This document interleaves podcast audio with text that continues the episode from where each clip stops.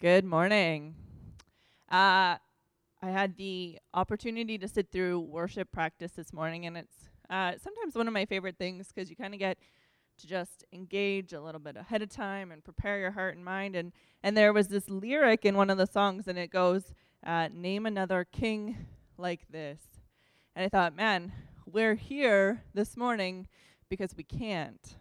Like we can't name another king like Jesus. And and you're logging on at home even though it's not ideal because of Jesus. And so I hope that you're encouraged that this isn't for nothing and even though it's just how it is right now, there is no other king. And this morning we want to lift his name up on high and praise him and just give him the glory that he's due. So would you pray and would you just do that with us this morning? Jesus, we thank you. We thank you that you're the name above all names, that we can't name another king like you, God, that there is no one else who sent their only son to die for us so that we could be redeemed and made right. And so, Jesus, this morning we thank you that you are our Savior and that you're with us in the midst of every season that we walk through. And today, would you just be glorified? Would our words just give you honor and praise? And would our hearts and minds just be open to what your Spirit wants to do in our midst. Would you anoint both the worship team and the preaching this morning? And uh, yeah, in your name we pray. Amen.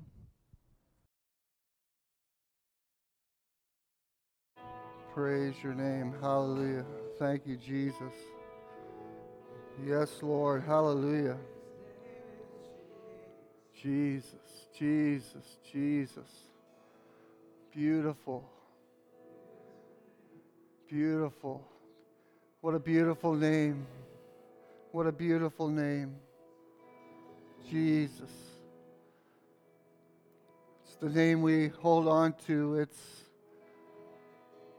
it's the name that we draw life from. It's the name that is the same yesterday, today, and forever. It's the name that's sovereign, powerful, peaceful, joyful, life breathing. We honor you today, Jesus. That's why we have sung these songs. That's why we have in our mind had thoughts of you. That's why we've had words of praise and honor. It's why we, we open your word up so that we can get to know you better and, and, and want to be more like you. So, would you allow your Holy Spirit just to speak to us today and give us just a greater picture of that wonderful person who has the name Jesus? Our God, today we celebrate and worship you. Beautiful, awesome, mighty, powerful, amazing. What a name! What a name! The name of Jesus. Amen. Amen. Oh, good morning, everyone. Just love to meditate on that name. You know, if uh, today or in the days ahead you have any prayer needs in your life, uh, you can actually on our webpage go to the prayer and praise link and uh, just fire off an email just requesting prayer from the staff and uh, or the prayer chain. And if you'd also, you could call the church office phone. You'll get, uh, right now, of course, you're going to get voicemail, which is perfect because we want you to leave a voicemail. And uh, just give us a prayer request and we will follow those up with you.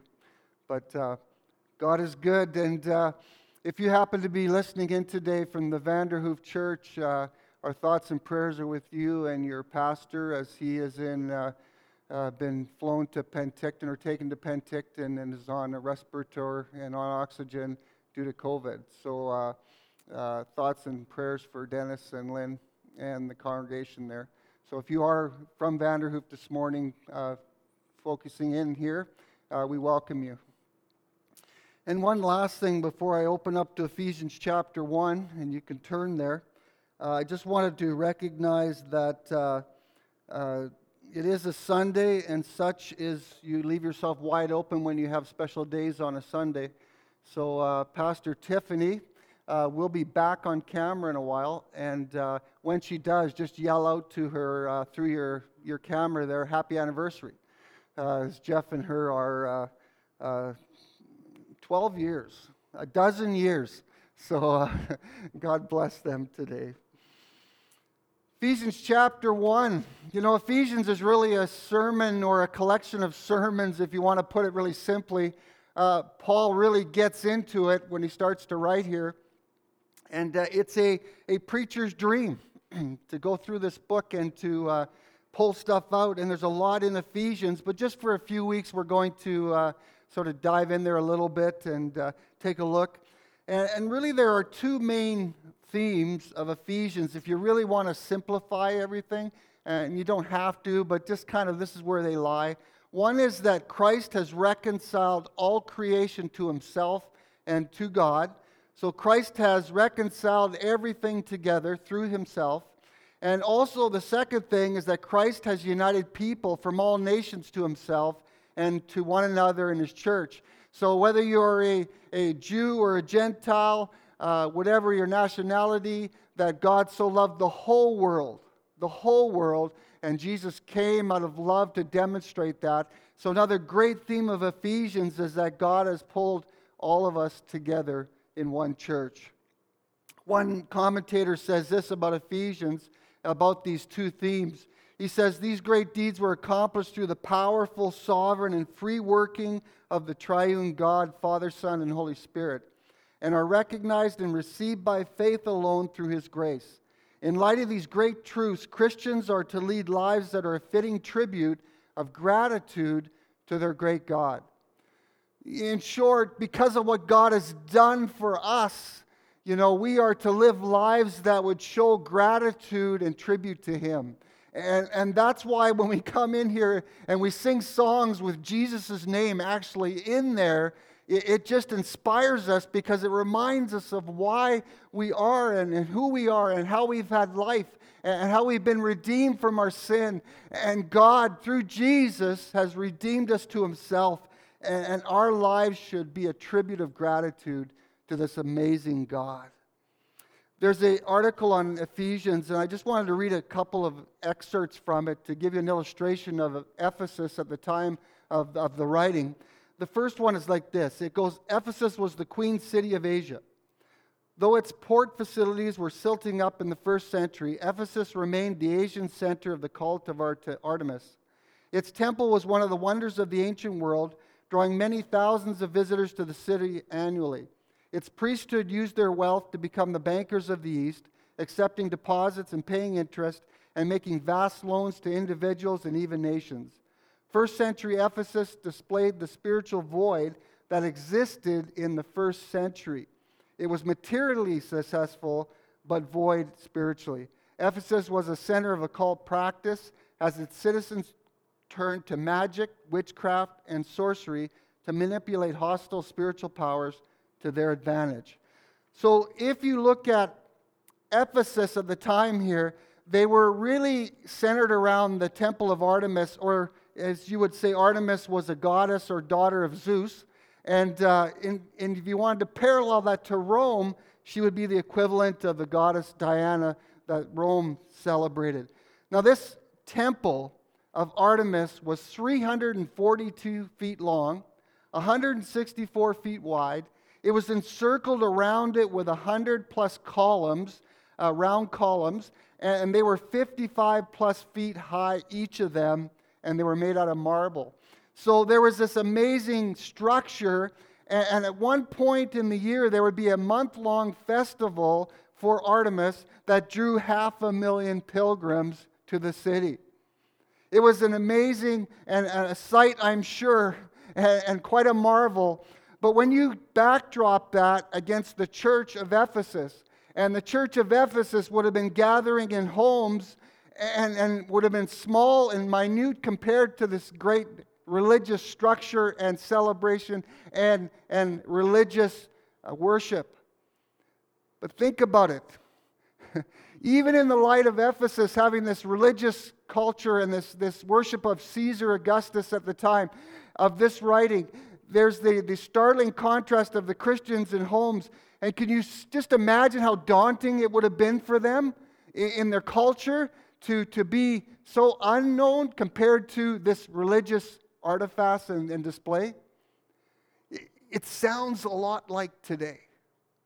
You know, when you think about it, when you look at the church here or the church in Vanderhoof or wherever you're tuning in from, think about how small sometimes we feel or insignificant or how we might even feel like, you know, how could we ever break through a culture that is getting more and more evil and more and more away from God and is anti God? How could we penetrate that? And we could begin to feel very insignificant in the culture. Let me read on. He says, Against this background of religion and superstition, Paul writes of the church created and sustained by God. The Father is the architect of, his, of this temple, Jesus, its builder, and the Holy Spirit, the divine presence that dwells in it. God's temple is not constructed of stone, but of living flesh. Its treasury places God's church or sorry, is void of gold and silver, but stocked with spiritual blessings in heavenly places. God's church is not directed by a priesthood, but by Christ, its living head. God's church is not at the mercy of hostile spiritual forces, but guarded by one whose power is supreme above every rule and authority. God's church is no heap of cold marble, but rather a vital, loving family enriched and sustained by caring relationships. God's temple is not some ancient weathering edifice, but a growing, nurturing fellowship which keeps on building itself up in love. How appropriate this epistle was written to the Ephesians, where pagan religion ruled but left life empty and unfulfilled. Isn't that a great paragraph? You know, think about it. You know, it's not about being hopeless as it would have been for the pagan religions, but it's about hope. It's not about no meaning in what they were worshiping, it's about the meaning that we have in worshiping Christ. And the church of Jesus is not a cold marble stone or edifice, it's formed by living people who brought and still bring life and vitality and transformation and joy and eternal life. We are the church. We are the living church the, the building that's being constructed, as the Bible tells us in the New Testament, we all together are being built up in faith as a beautiful structure for God. We are not an institution. We are a life breathing group of people that are the bride of Christ and the power of the Holy Spirit is in us and working through us, and the church is not insignificant. The church may see a mountain, but we can cast the mountain aside because the power of God is at work in our lives. We, we are living and we are alive. Somebody jump up in your house there and uh, shout amen. There's two reasons, you know, in a sense, why Paul would write, in this sense, this book. And both good reasons for us to take note of in our culture today. One of them, you know, surrounded by the Caesar worship and seeing Caesar as God and the cult worship of it. But there was that magic demonic that was happening in Ephesus. And the Ephesians was written to remind Christians that behind the cultural practices were demon forces or demonic forces but in the midst of that, knowing that, they didn't have to be paralyzed with fear regarding these powers due to the fact they, they were united with Christ, the sovereign Lord, ahead over all. Ephesians 6, later on, Paul says, Be strong in the Lord and in the strength of his might. Put on the full armor of God so that you will be able to stand firm against the schemes of the devil. For our struggle is not against flesh and blood, but against the rulers, against the powers, against the world forces of this darkness, against the spiritual forces of wickedness in the heavenly places. You see, that's God knows that we are up against it. God knows that there are forces at work that are beyond the human flesh and understanding and leadership and principalities. That God knows that we are up against something, but He wants us to know that we can take on His armor, we can take on His clothing, and the Holy Spirit within us and the power that's at work in us is greater than all the forces of evil in this world. And Jesus Christ has overcome them, even though there was and there is still a battle that is going on. One thing we know for sure about God if you're on God's side and you have God in your life, then you're always on the bigger side, no matter what the odds look like.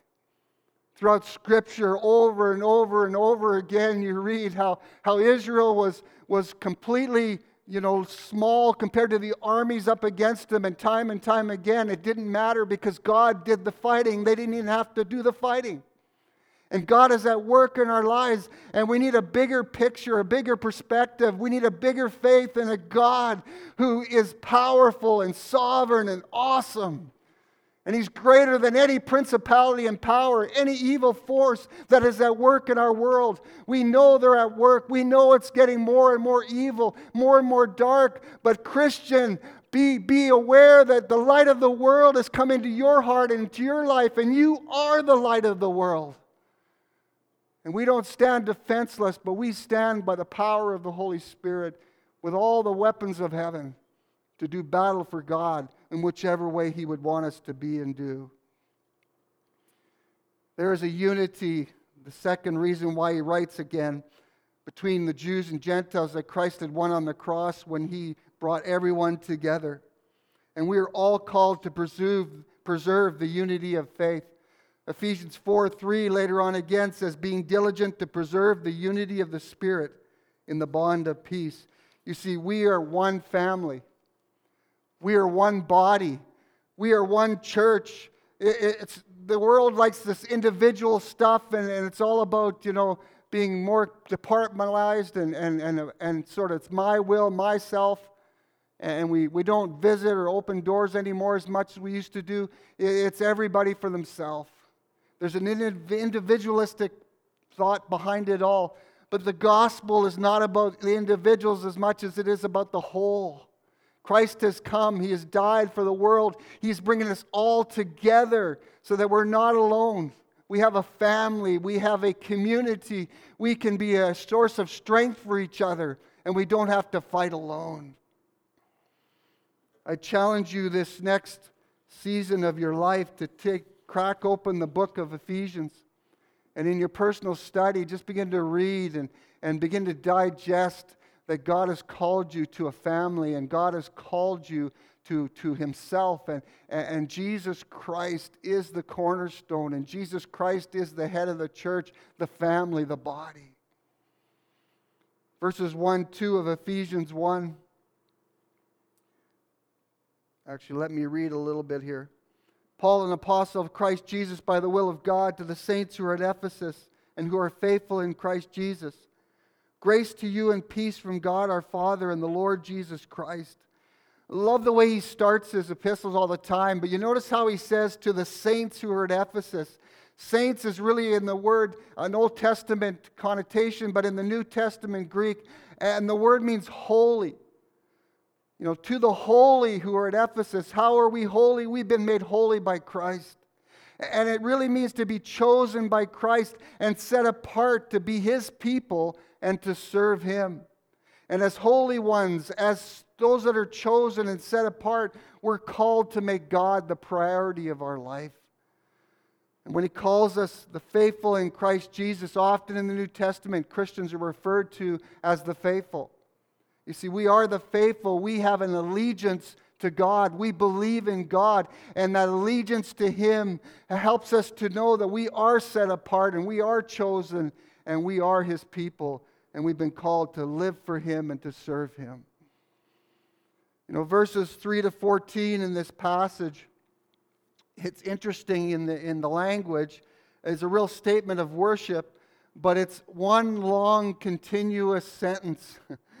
you know, talk about holding your breath between phrases. It's like one long continuous sentence that he goes off on. And he says, Blessed be the God and Father of our Lord Jesus Christ, who has blessed us with every spiritual blessing in the heavenly places in Christ, just as he chose us in him before the foundation of the world, that we would be holy and blameless before him. In love, he predestined us to adoption as sons through Jesus Christ to himself, according to the kind intention of his will, to the praise of the glory of his grace, which he freely bestowed on us in the beloved. In him we have redemption through his blood, the forgiveness of our trespasses, according to the riches of his grace, which he lavished on us. In all wisdom and insight, he made known to us the mystery of his will, according to his kind intention which he purposed in him, with a view to an administration suitable to the fullness of the times. That is, the summing up of all things in Christ, things in the heavens and things on the earth. In him also we have obtained an inheritance, having been predestined according to his purpose, who works all things after the counsel of his will, to the end that we who were the first to hope in Christ would be to the praise of his glory.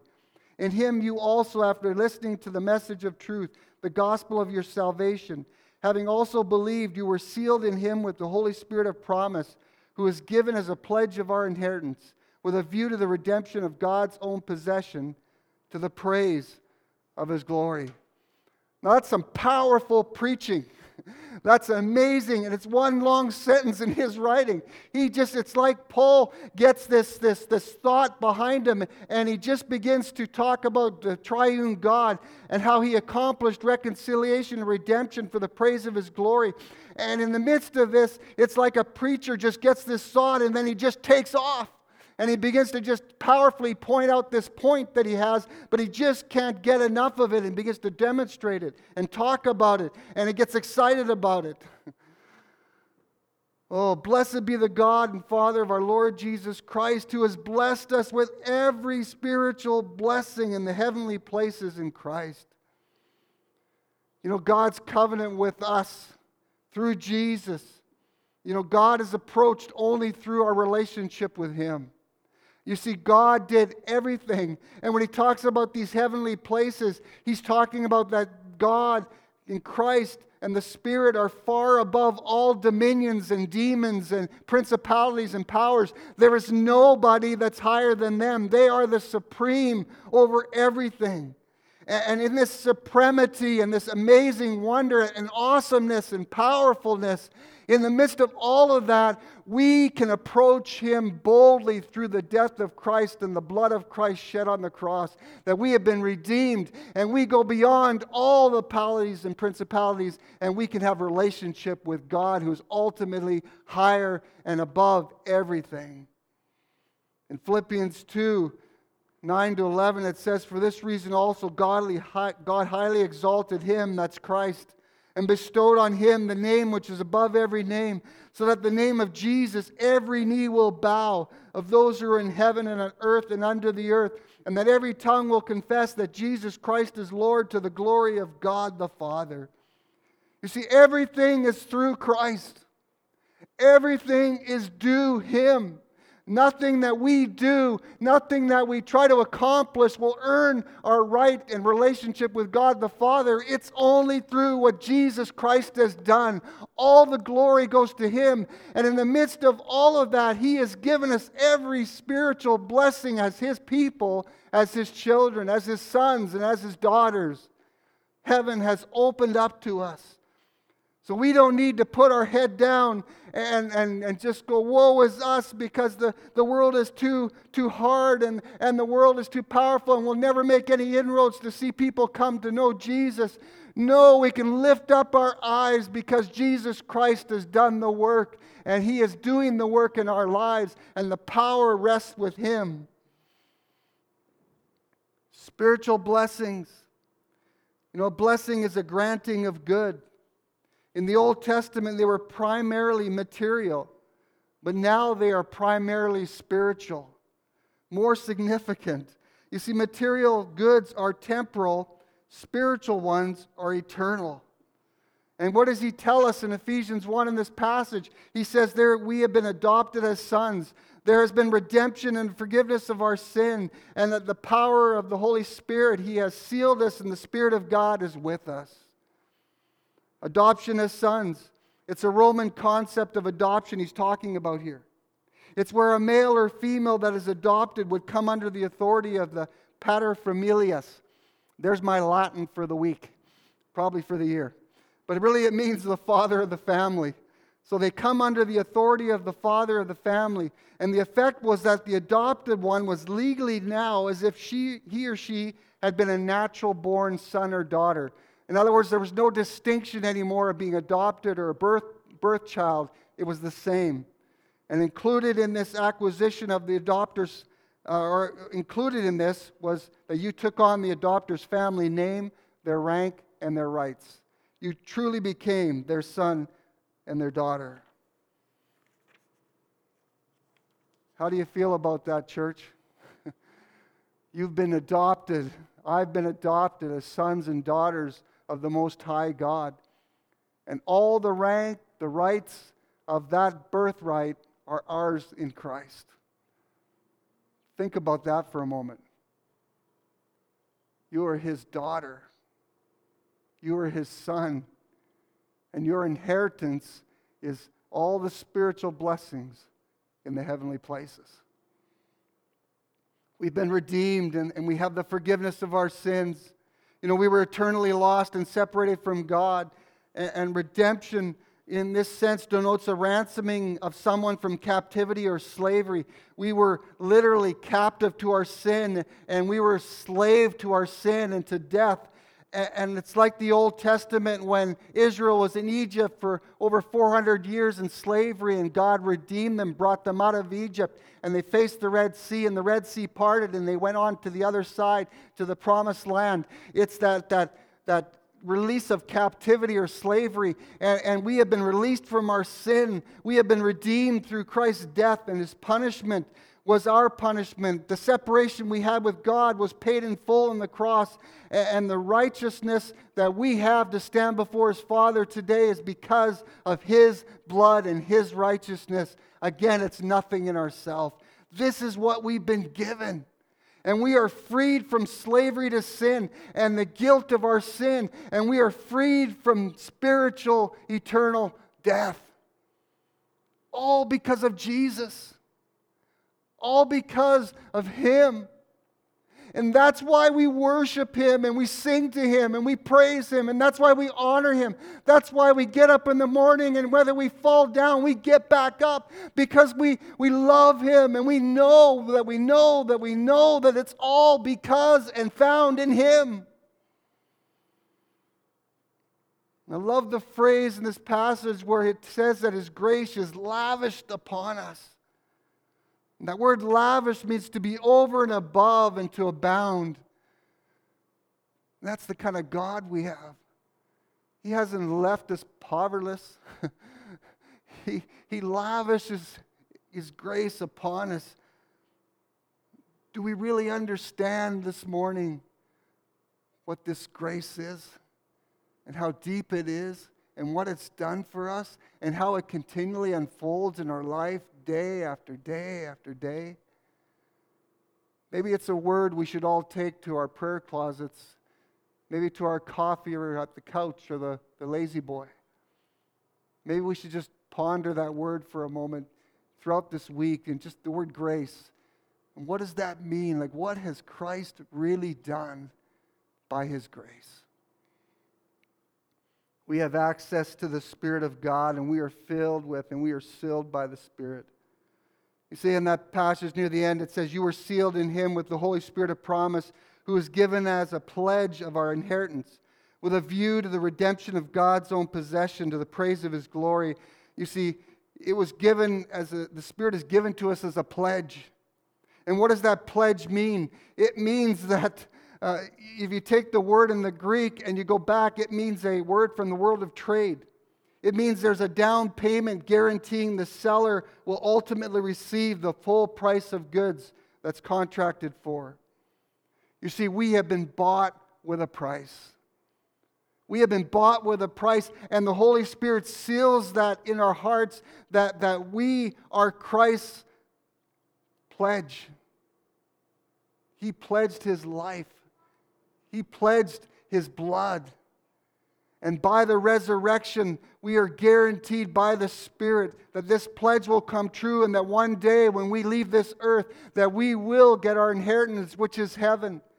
That we will have eternal life, that we will spend eternity with God, that there will be no sickness, there will be no death, there will be no, none of the stuff that we worry and the anxieties and the stresses and what we care about in this earth.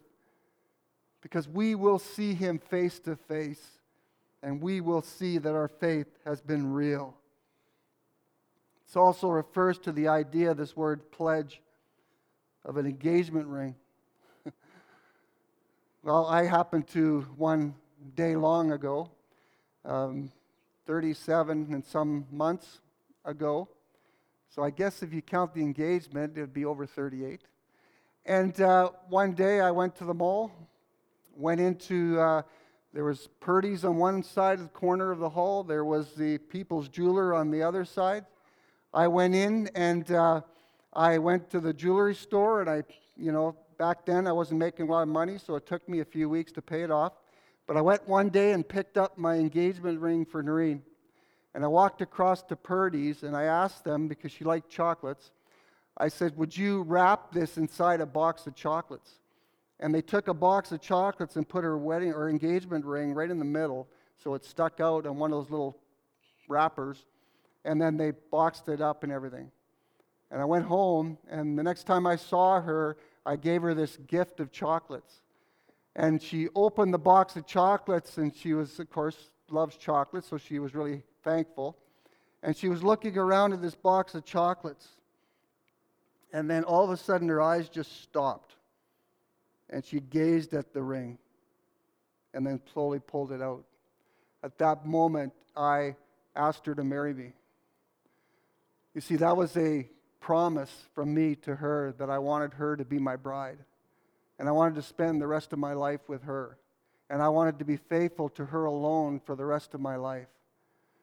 You see, that's what the Holy Spirit is to you and me. He is our guarantee that we're not imagining this. He's, he's the guarantee that we are living a life of purpose and faith and that we will get our inheritance and we will see Jesus. That just as he was resurrected from the dead, we too will be resurrected with him. Do you know that God really loves you? really cares about you? But, folks, whenever we're discouraged, whenever we're in despair, whenever we're looking at the circumstances in our life, let's all, at those moments, look back to Jesus. Because everything we are and everything we will be is all found in Him. There is no other name, there is no one. It's Jesus. Three times at the end here, Paul says, to the praise of His glory because everything is done through Christ and everything is in Christ, it's all for His praise and for His glory. And your life and my life, if we know in faith what Christ has done for us, then we know that it's for His glory and for His praise that I live my life. And let's be the kind of people, the kind of sons and daughters that would honor their father, that would honor their brother in Christ and the Holy Spirit who's at work in us. To the praise of His glory, let's live. And God, I thank you today. I thank you that you are a God who truly is amazing. And uh, God, not enough time this morning to really dig into all the stuff that's in those first 14 verses. But God, it's powerful, and the points are very simple that Christ is supreme. And everything is in Christ and is through Christ. And that is our hope. And we love that name, the name of Jesus. And Jesus, we want you to be honored in our lives. So, although the world and what's going on now might seem so hard and it might seem so un, unmovable, and, and, and there's nothing we can do to survive within it or make inroads to people's lives. God, help us to keep our focus on you because you are more powerful than any principality or power at work in this world. And it's that power at work in us that we believe in and we hope in today. So that when we get up tomorrow morning, God, and we go into our world, we will know that the Spirit is with us and that we have an inheritance, and that God will give us the strength and the love and the joy and the peace to live our lives for you. Jesus, we give you all the praise, all the honor, all the glory. And we really, really, really love you. And we pray all of this in your name, Jesus. Amen. Whew. I hope that you're like jacked at home as well. Um, but there was something right at the beginning that Pastor Rich said that just kind of stuck with me. I'm going to encourage you guys and leave you with it. Live a life of gratitude and tribute to God. So I challenge you this week as you find yourself in circumstance, as you make choices, as you navigate relationships, would we just remember that because of Jesus, we can live a life of gratitude and tribute to God? And would you do that? Be blessed. Be blessed. And uh, reach out. Reach out if you need us. We're here and we love you.